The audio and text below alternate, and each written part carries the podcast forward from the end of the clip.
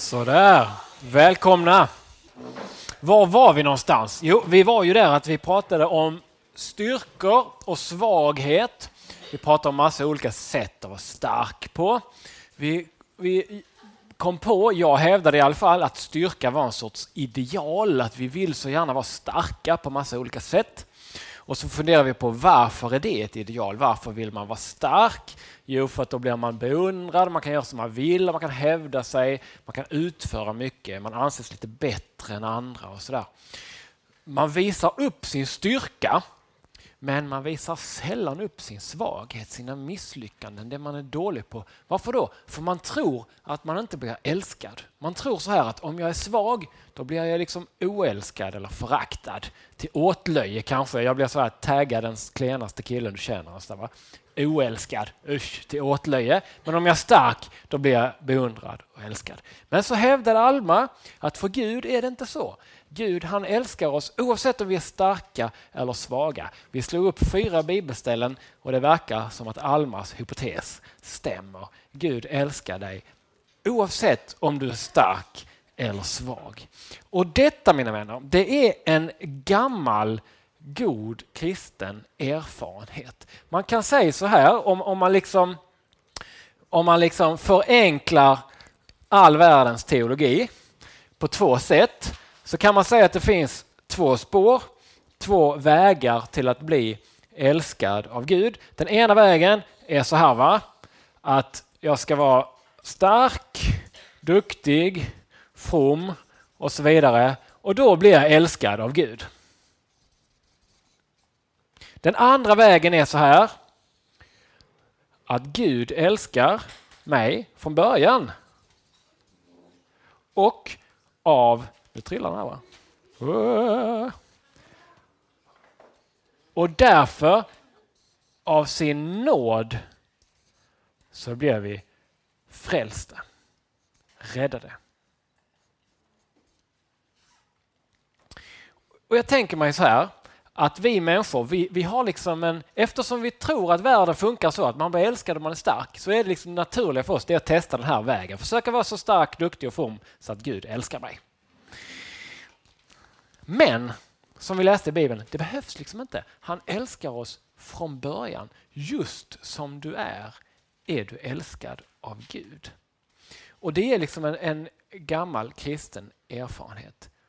Jag tror att ibland när vi liksom försöker på den här vägen så vill liksom Gud få över oss på den. Vad gör han då? Vad gör han då?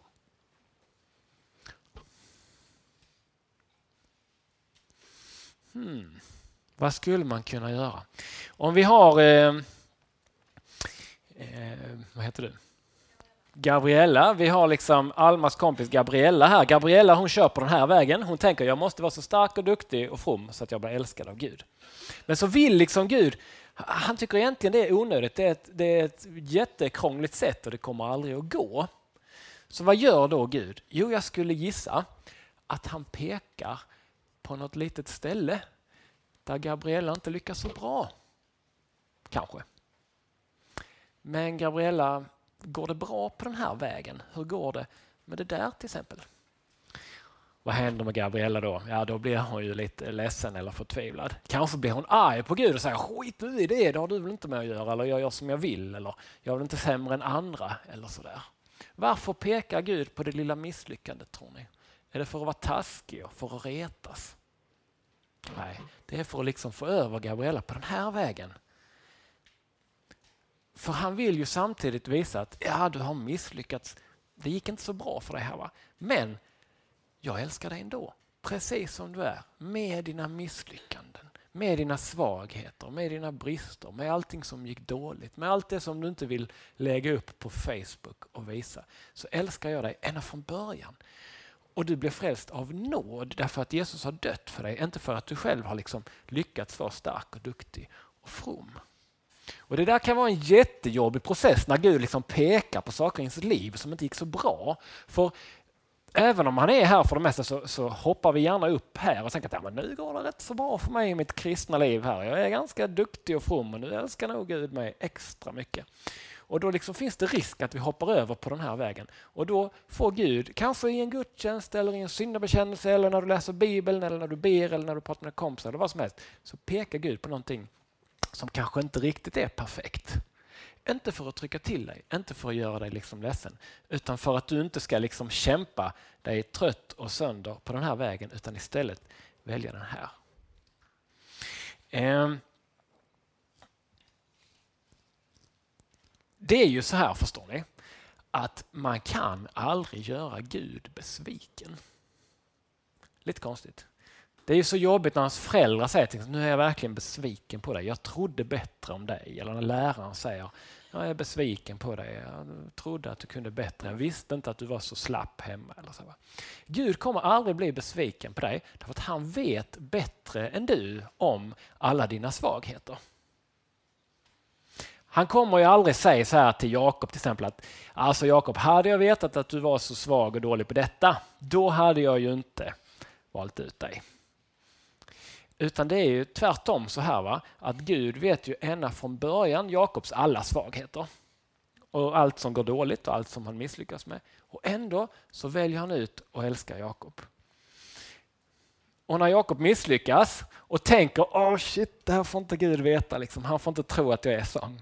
Då säger Gud att ja, du visste kanske inte att du var så rutten inne, men jag visste det från början och jag älskade dig ändå.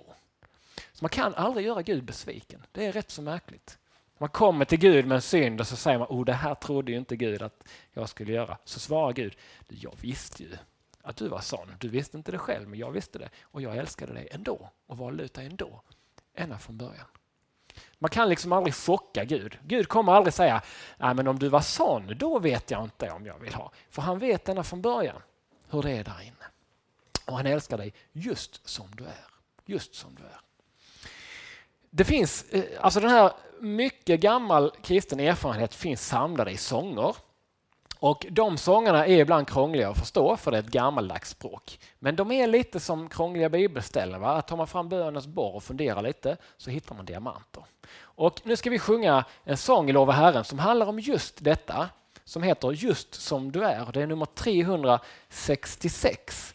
366. Vi sjunger den tillsammans Kanske inte för att det är världens klämmigaste sång utan för att den innehåller liksom flera hundra års av samlad kristen erfarenhet förtätad till ett antal verser. 366. Så ska jag stänga av min mikrofon, annars blir det lite för roligt här, tror jag.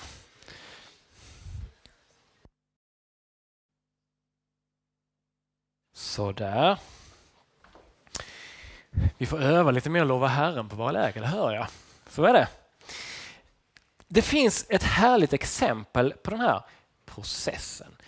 När Jesus får liksom peka på en människas svaghet för att den människan sen istället ska kunna börja leva av Guds styrka.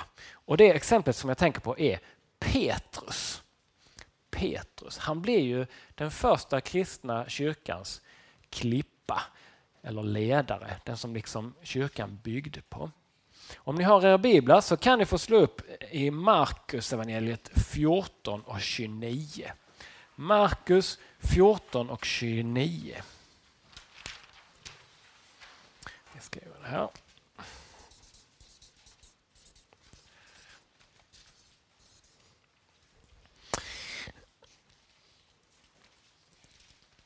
Där beskrivs det hur Petrus tänker att han är jättestark. Och så säger han ungefär så här att om än alla andra överger dig så kommer inte jag överge dig. Jag, kommer, jag är så stark i tron och jag är så duktig kristen och jag är så modig. Så om än alla andra överger dig Jesus så kommer jag aldrig att överge dig. Och Jesus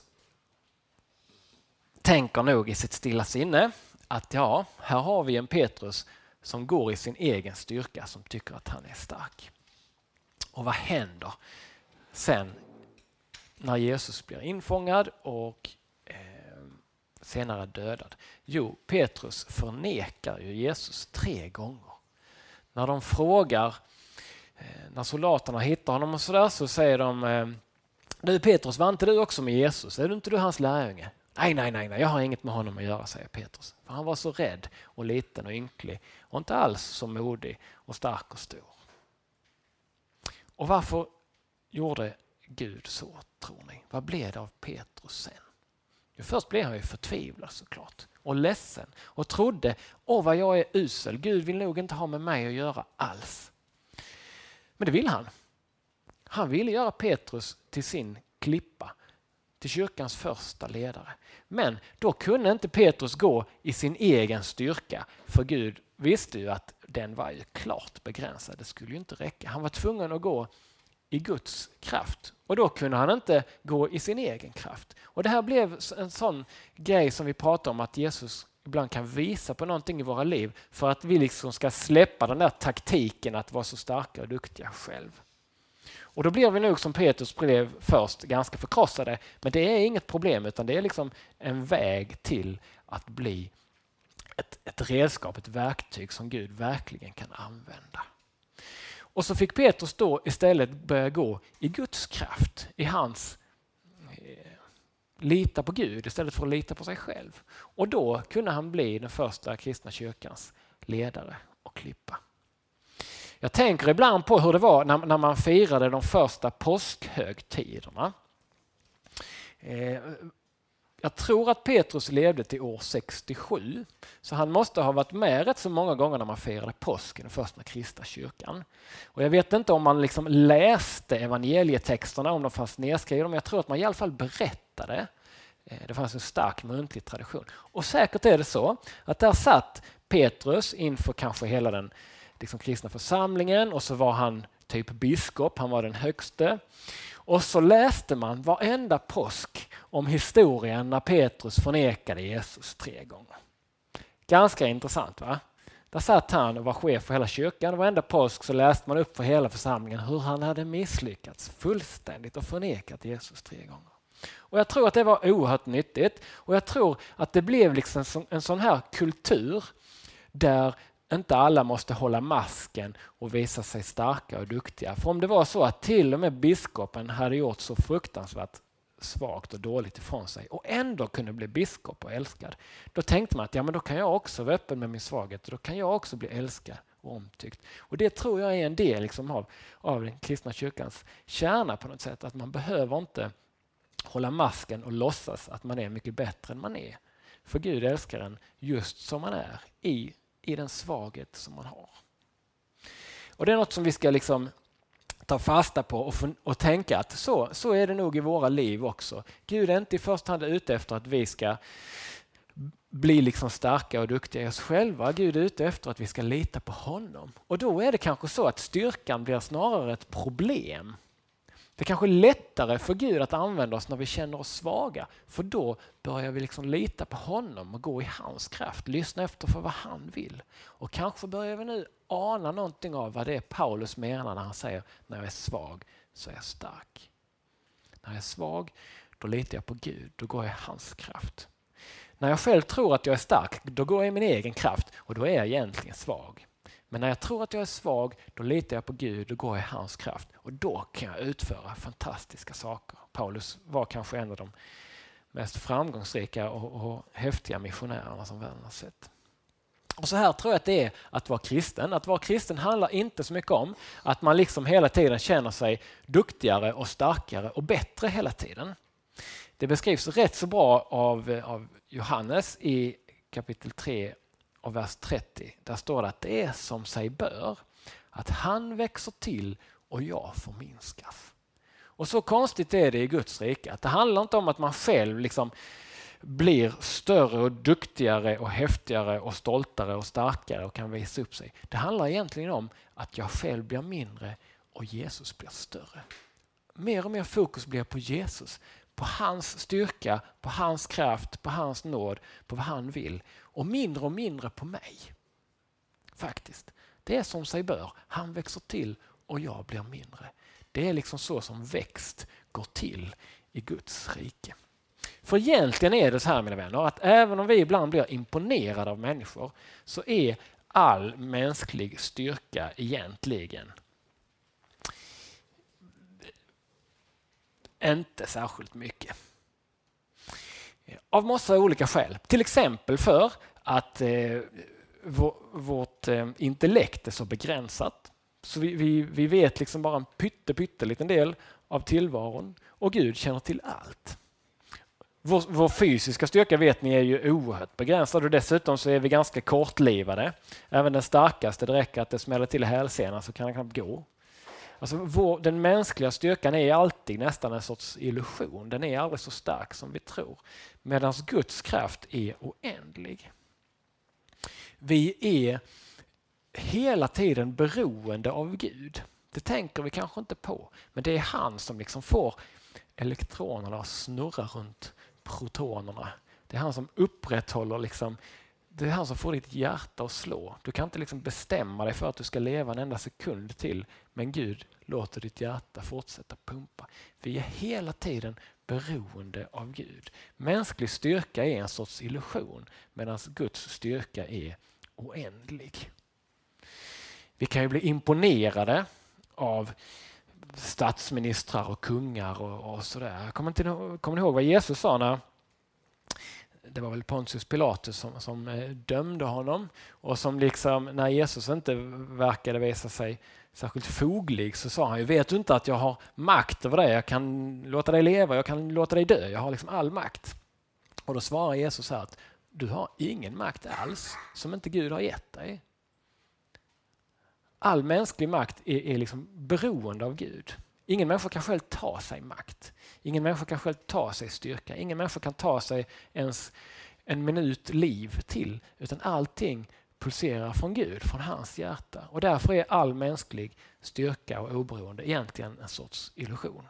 Och ju mer man börjar se av det, ju mer förstår man också hur mycket skönare och bättre det är att lita på Guds styrka än på den egna styrkan. För det är bara han som är stark. Det här uttrycks också såklart i en Lova Herren-sång. Och eftersom ni sjöng lite dåligt så får vi ta en till för att liksom träna upp oss. Och då ska vi ta nummer 401. 401.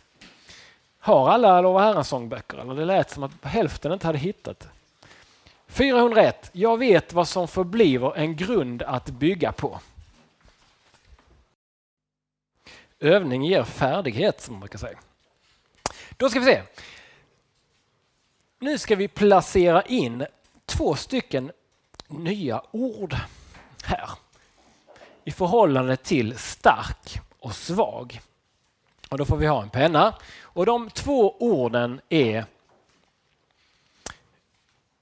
självgod. Det är det ena ordet. Och det andra ordet är ödmjuk.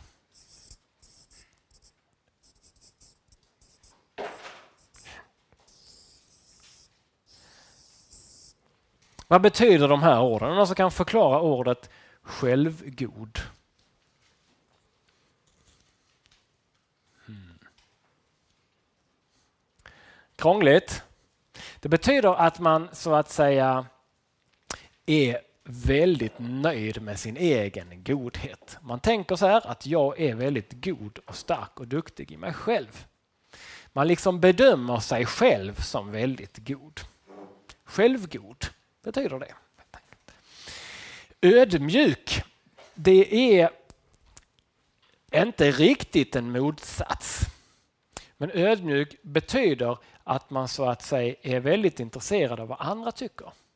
Av, eh, av att lyssna på andras perspektiv. Man tänker inte att man själv alltid har rätt.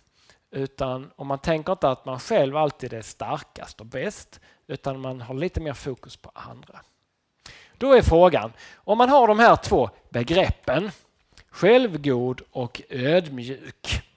Var, om vi tar självgod först, var, vem är mest självgod tror ni? Är det den som är stark eller den som är svag? Om man är väldigt stark, finns det då risk för självgodhet eller tror ni att det oftast finns ödmjukhet där? Vad är vanligast? Om vi skulle klippa loss de här och sätta där de oftast finns. Eller om man tänker för en och samma person, när man känner sig väldigt stark, brukar man också vara ödmjuk då eller brukar man mest vara självgod när man känner sig väldigt stark? Och när man känner sig väldigt svag, brukar man då mest vara självgod eller brukar man mest vara ödmjuk? Hur tror ni att de här begreppen hänger ihop? Både och. Hur då? Förklara.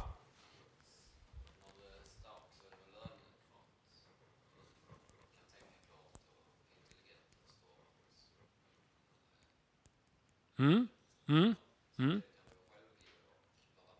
Ja, ja, precis. Ja, det är inte helt självklart va? hur de här hänger ihop. Men jag tror så här att om man är väldigt stark då så får man ju väldigt mycket av det här, va? beundran och man blir eh, omtyckt och man får bekräftelse och man hävdar sig och så. Va? Och risken är ganska stor att den som är väldigt stark också blir ganska självgod. Det är min hypotes i alla fall. Jag skriver den inom parentes här. Ett litet frågetecken. Och så tror jag också så här att den som ofta känner sig svag oftare blir ödmjuk.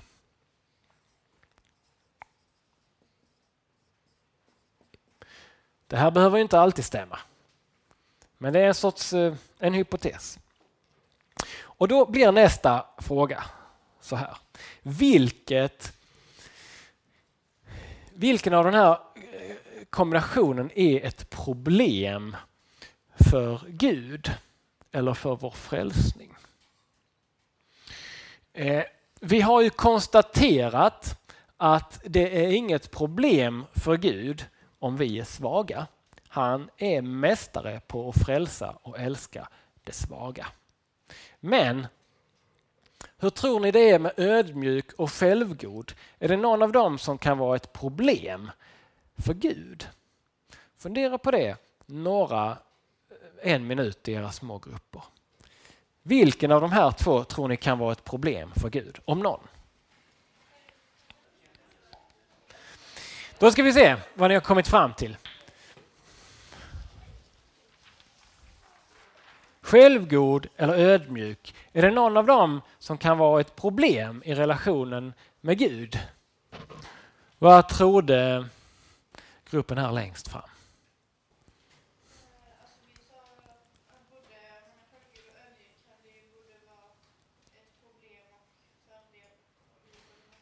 Mhm. Mm. Mhm. mm Mm. Mm. Mm -hmm. Samtidigt som man kan tänka typ, ja, jag klarar att stå fast i tron, typ. Jag tror på mig själv och... Mm. Mm. Och ödmjuk kan vara problem för att eh, då kanske man glömmer bort att... Eller vad sa vi? Nej, men eh, jag vet inte, men om det går så långt att man bara tänker på alla andra. Mm.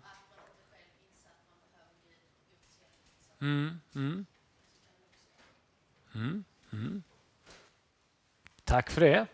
Tillägg, någon annan grupp som har någon, någon hypotes om hur det här hänger ihop? De flesta håller med eller håller tyst. Ja, så kan det vara. Vi ska undersöka detta. Vi ska slå upp ett antal bibelställen och så ska vi fundera på det här. Är det något av självgod och ödmjuk som kan vara ett problem i relationen med Gud. Och då får vi också styra upp det här lite nu. Så att gruppen här, ni tre, ni slår upp Jesaja. Ni som sitter bakom där, ni slår upp Matteus 18 och 3. Eh, herrarna i mitten där, ni får slå upp första Korinthierbrevet 1, 26-29. Och sen tar vi vid fönstret där, ni slår upp Årsbruksboken. Och gänget längst bak, ni slår upp Lukas 18, 9-14. Och så gör vi motsvarande här. Längst fram, ni slår upp Jesaja. Och vad har, den gruppen där har inte fått någon vad. Ni tar Matteus. Och gruppen där, ni slår upp första Korinthierbrevet. Näst längst bak tar Ordspråksboken 3, 5-7. Och allra längst bak Lukas 18, 9-14. Längst bak Lukas 18, 9-14. Och när ni har läst så funderar ni på vad kan man lära av detta när det gäller ödmjuk och självgod? Vad säger just ert bibelställe om de här två begreppen ödmjuk och självgod. Då ska vi se vad ni kommer fram till. Vi gör så här nu att, att jag läser de olika texterna och sen så svarar ni på vad er lilla grupp tycker att det säger om begreppen ödmjuk och självgod. Ni som fick den första texten, Jesaja 57 och 15. Där står det ju så här. Ty så säger den höge och upphöjde, han som tronat i evig tid och heter den helige. Jag bor i det höga och heliga, men också hos den som är förkrossad och har en ödmjuk ande. För att ge liv åt de ödmjukas ande, för att ge liv åt de förkrossades hjärtan. Vad säger det om begreppen ödmjuk och högmod i förhållande till Gud? Vad kom ni fram till? Nej, det var många krångliga ord där. Men jag tycker man kan ta fasta på det här va? att han vill bo hos den som är förkrossad och har en ödmjuk ande. Så lärdomen är nog att ödmjukhet är någonting som underlättar så att säga för Gud att vara nära och bo hos en människa. Nästa text är så kort så den får gruppen läsa. Ni som slog upp eh, Matteus 18 och 3. Det var till exempel ni där. Ja, ja. Vill ni läsa den texten?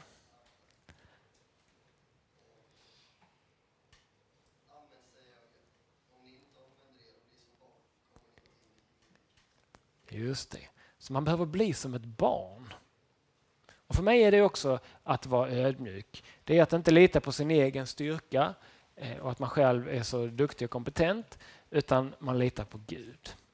Nästa text var från första Korinthierbrevet 1, 26-29. Jag tror att jag eh, läser den. Där står det så här. Bröder, se på er egen kallelse. Det var inte många av er som var visa om man ser till det yttre. Det var inte många som var mäktiga, det var inte många som var förnäm släkt. Nej, det som för världen var dåraktigt har Gud utvalt för att låta dem visa de med skam och det som för världen var svagt, det har Gud utvalt för att låta det starka skåda med skam. Och det som för världen var oansenligt och föraktat, ja det som inte var till, det har Gud utvalt för att göra till intet det som var till, för att ingen människa ska berömma sig inför Gud. Den får man läsa två gånger långsamt innan man begriper, eller hur? Va? Men sista meningen är ganska tydlig. Varför väljer han ut det lilla? Varför väljer han ut det svaga? Varför väljer han ut det föraktade? Jo, för att ingen ska berömma sig inför Gud.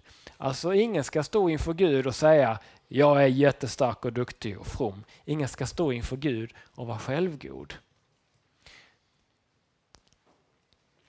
Därför väljer han ut det lilla, det svaga, det föraktade. Så verkar Gud agera. Sen har vi Ordspråksboken 3, 5-7.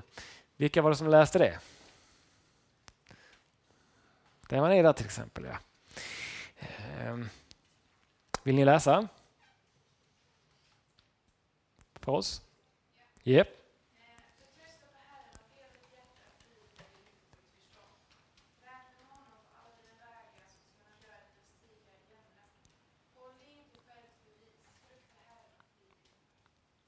Precis. Från Ordspråksboken. Alltså, förlita dig inte på ditt eget förstånd utan förtrösta på Herren. Räkna med honom. Håll inte dig själv för vis utan frukta Herren och fly det onda. Och detta är ändå skrivet av världens visaste man genom tiderna, Salomo. Så sa han, man ska inte hålla sig själv för särskilt vis, man ska lita på Gud istället. Det är en sorts vishet. va?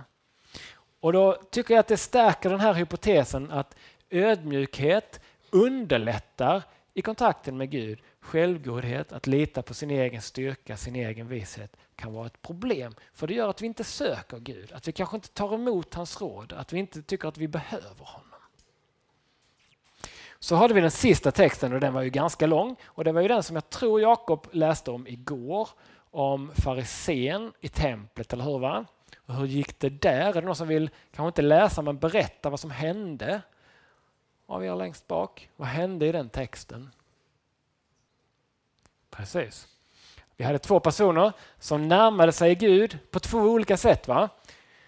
Farisén, han var jättestark, han var from och duktig. Ni vet fariséerna de hade satt upp tusen lagar om hur man skulle göra med allting och de var oerhört fromma, det måste man säga.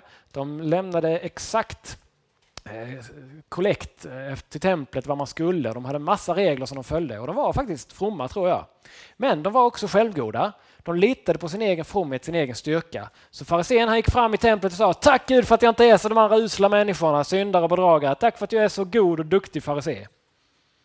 Ja. Och sen så kommer den andra och så säger han han är en publikan, ni vet sån som tar emot pengar, lite fiffel, men han skäms. Och så säger han Gud förlåt mig, jag behöver dig, förbarma dig över mig, ta hand om mig. Och då gör ju Gud det såklart, han svarar ju på den bönen. Publikanen säger jag behöver dig, jag behöver din förlåtelse, jag behöver att du tar hand om mig. Och då gör ju Gud det. Gud svarar på bönen och då går den mannen hem rättfärdig. Publikanen, han hade ju inte ens bett om något. Hade han bett om hjälp så hade han ju också fått men han bad ju inte om hjälp. Han sa bara tack för att jag redan är så himla bra så jag inte behöver dig. Och då går han ju inte hem rättfärdig för han har inte bett om förlåtelse eller förbarmande. Men den ödmjuke publikanen, fast att han var en mycket svagare människa, gick hem rättfärdig för han var ödmjuk. Så lärdomen av detta mina vänner är att för Gud så är svaghet inget problem. Han är mästare på att frälsa det svaga. Högmod eller självgodhet kan däremot vara ett problem därför att är man självgod så ber man inte Jesus om något. Man kommer inte till honom. Man tycker inte man behöver honom. Och det finns, om jag har rätt, så finns det ett sorts samband mellan den som är väldigt stark, eller tror att man är stark i alla fall, och självgodhet. Och det kan vara ännu en ledtråd till varför Paulus skriver när jag är svag så är jag stark. För när han är svag, då är han ödmjuk och då ber han och tar emot allting av Jesus. Men när han är stark, då blir han självgod och då går han inte i Guds kraft. Mm. Vi ska försöka sätta upp två stycken ord till på den här tavlan. Och det är begreppen beroende och oberoende.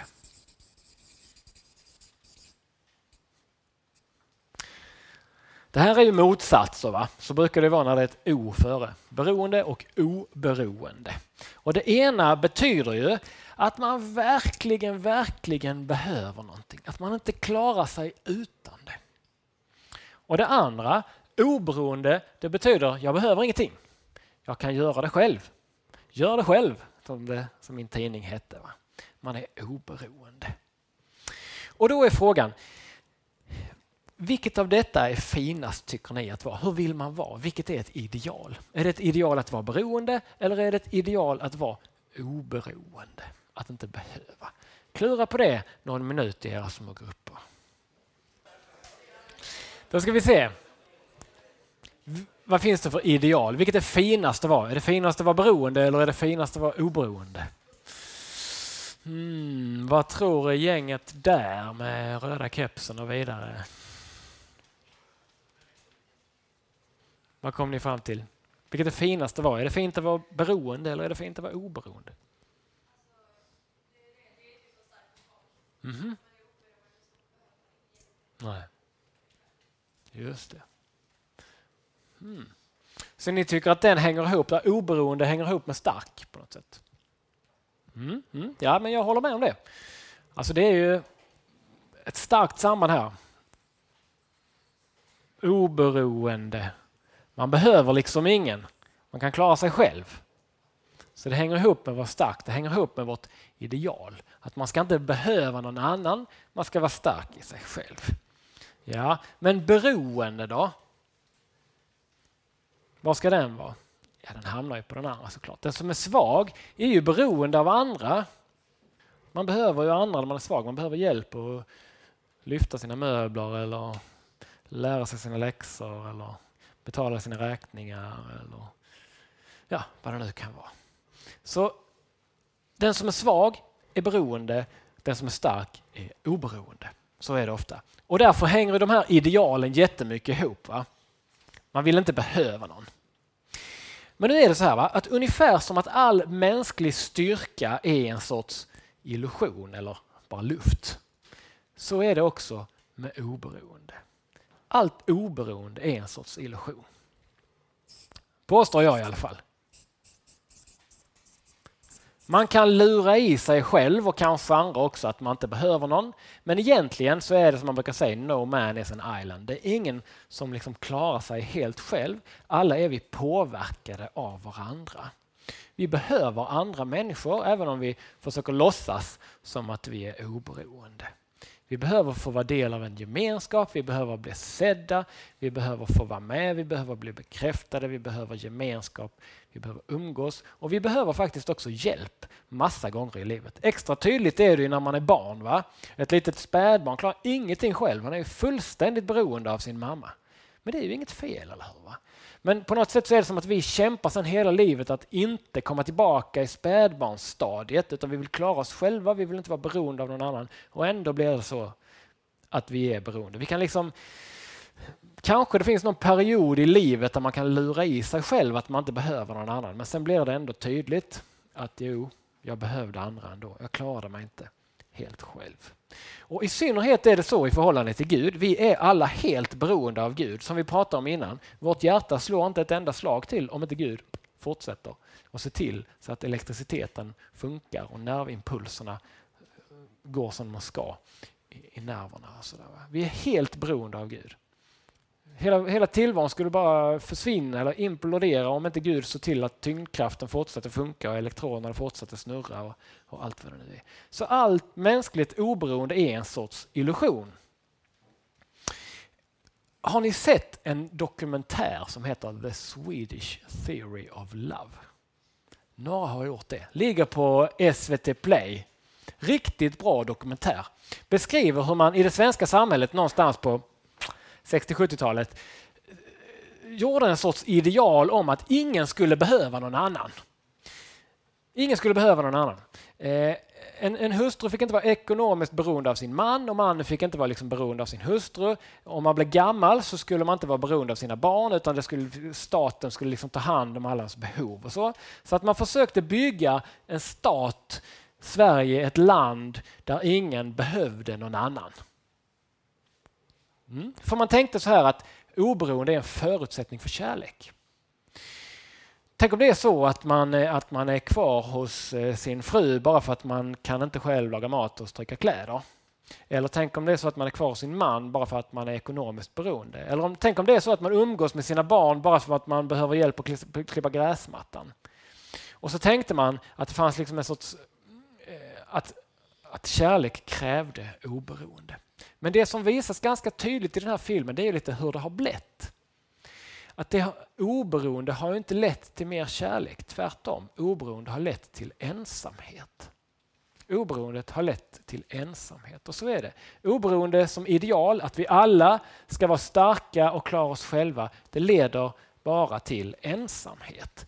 Och så är det idag. Vi har fått starta en helt ny myndighet i Sverige som tar hand om alla de som dör helt ensamma kanske hittas i sin lägenhet eller där man får liksom ha en begravning där ingen kommer. För vi är alla så oberoende och klarar oss så själva så vi blir extremt ensamma. Vi blir också sämre och sämre på att, att leva i beroendeförhållanden som äktenskap och sådär. Utan vi håller hellre lite distans och så försöker vi vara oberoende även av vår partner. Och vi kan åka till Danmark och bli gravida och sådär. Så behöver vi inte vara beroende av någon pappa pappa. Och, ja, vi bygger samhället på oberoende och det leder till extrem ensamhet. Och Det tror jag har med det här med stark och svag att göra. också. Va? Att stark har blivit ett så kraftigt ideal. Att vara stark, klara sig själv och vara oberoende. Så att vi, vi, vi flyr hela tiden från den här positionen där vi är beroende och svaga. Och så är det nog i förhållande till Gud också. Det påverkar vartannat. Allt det här. Och därför är det nog så att man måste fundera vilket är viktigast för mig? Är det viktigast för mig att vara oberoende eller är det viktigare för mig med gemenskap? För det är så, väljer du gemenskap så kommer det skapas en sorts beroende. Och om du vill ha fullständigt oberoende då, får du nog, då kommer det kosta när det gäller gemenskap. Så fundera på det i era små grupper i två minuter. Vilket är viktigast för dig? Gemenskap eller oberoende? Vilket väljer du? Då ska vi se. Medan jag får höra om detta, ni som hjälpte mig att pyssla och klippa innan. var är ni? Har ni, har ni alla pusslen? Ja, jättebra. Eh, först då, ni som prioriterar gemenskap högst, räck upp en hand. Och ni som prioriterar oberoende högst.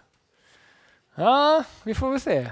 Ja, men det, det tål att tänkas på det här. Och då när man har kommit fram till det, då får man fundera på okej, okay, hur lever jag mitt liv då? Lever jag det så att, så att det gynnar gemenskap eller lever jag det så att det gynnar oberoende? Värt att tänka på, för det är lite så här va, att, att leva i gemenskap är att erkänna sitt beroende. Att, att älska och att älskas är att göra sig beroende. Det är lite läskigt därför att man kan bli sårad, men det är den enda vägen till gemenskap. Det fullständiga oberoendet är den fullständiga ensamheten. Precis som man brukar säga om styrka och svaghet. Va? Ensam är stark, brukar man säga. Och Det gäller faktiskt tvärtom också. Va? Den som är oerhört stark och aldrig visar sin svaghet är också väldigt ensam. Ensam är stark och stark är ensam. Sista begreppsparet då, det blir det som vi pratar om, ensam eller gemenskap. Vilket ska man välja och vilket har mest med stark och svag att göra? Och då vill jag att ni som pysslade delar ut det lilla pusslet. Ett pussel per grupp.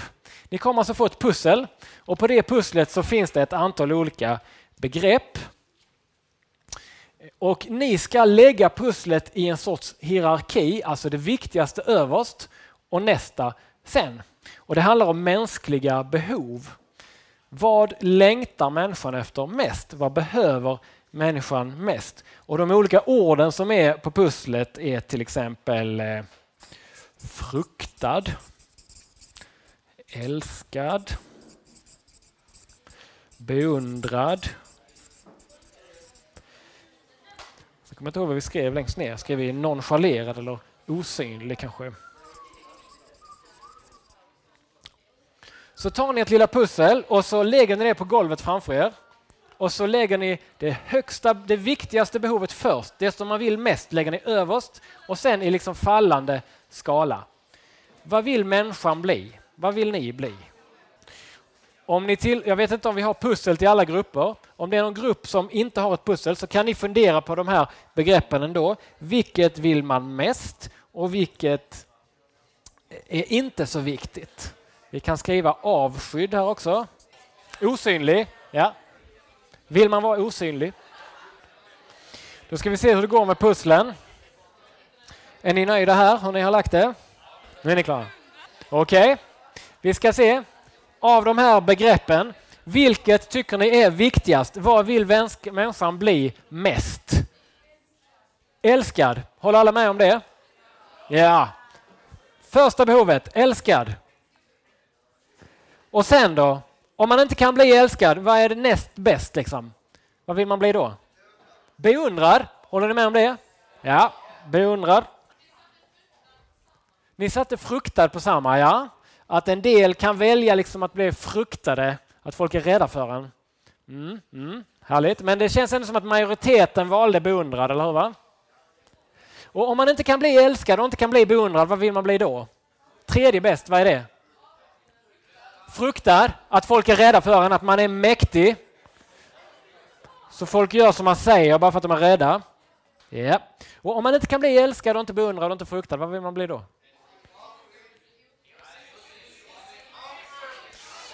Här är det olika va? Ni som tycker osynlig, räck upp en hand. Ni som tycker, ni som tycker avskydd, räck upp en hand. Ja, det är så på håret där va? Hur många vet var, de här, var det här kommer ifrån, de här begreppen? Är det någon som har listat ut det? Nej.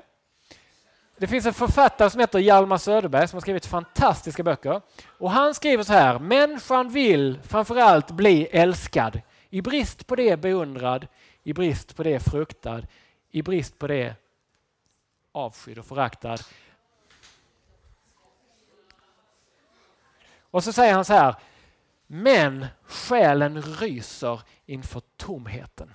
Människan vill kontakt. Vad som helst, bara någon sorts kontakt. Hellre avskydd än totalt ignorerad. Så att säga. Det kan förklara en del människors beteende, eller hur? Va? Och det är inte säkert att detta är sant, men så tycker Hjalmar Söderberg. Osynlig skrev vi här. Och då tänker jag så här, va? vad ska vi lära av detta? Jo, vi ska koppla det till det här med svag och stark. Och nu är vi verkligen på sluttampen. Jag tror att det här starka idealet, att vara oberoende, att vara stark, att sätta upp en fasad, att klara sig själv. Med det kan man komma en bit upp här. va? Man kan bli avskydd, man kan bli fruktad, man kan bli undrad. Men jag tror inte att det hjälper att vara stark när det gäller att bli älskad.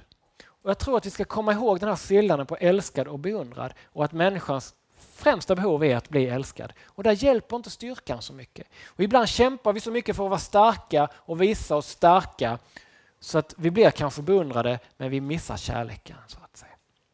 Medans ödmjukheten, beroendet, gemenskapen som oftare är kopplat till det svaga är sånt som mer kan föda kärlek. Hur gör Gud? Hur gör Gud? Han vill ju ha gemenskap med människorna, eller hur? Va? Han vill ge kärlek, han vill ha gemenskap och han vill också bli älskad av människorna såklart. Hur gör han när han ska ta kontakt med människorna? Hur? Han blev svag. Hur då? Han blev människa. Det, Gud kunde gjort så va, när han kom till världen, att han klev ner i all sin makt och styrka och kraft och rikedom och intelligens och allt vad han har. Va? Hur långt hade han kommit då? Ja, han hade ju förmodligen han hade ju kunnat bli avskydd av några. Han hade förmodligen kunnat bli fruktad, alla hade varit rädda för honom. Han hade kunnat bli beundrad för att han var så stark och mäktig. Men hade det blivit kärlek? Tveksamt va? Så hur gör han? Han kommer som ett spädbarn. Han kommer till jorden som ett spädbarn, som en pytteliten, ynklig bebis som är fullständigt beroende av andra, som är ödmjuk. Varför då? Jo, för han vill kärlek. Han är inte så mycket ute efter att bli beundrad och fruktad och avskydd och sådär. Han vill kärlek och då tar han den stora risken att göra sig beroende, att göra sig svag, att göra sig ödmjuk. Därför att det är kärlek som är målet.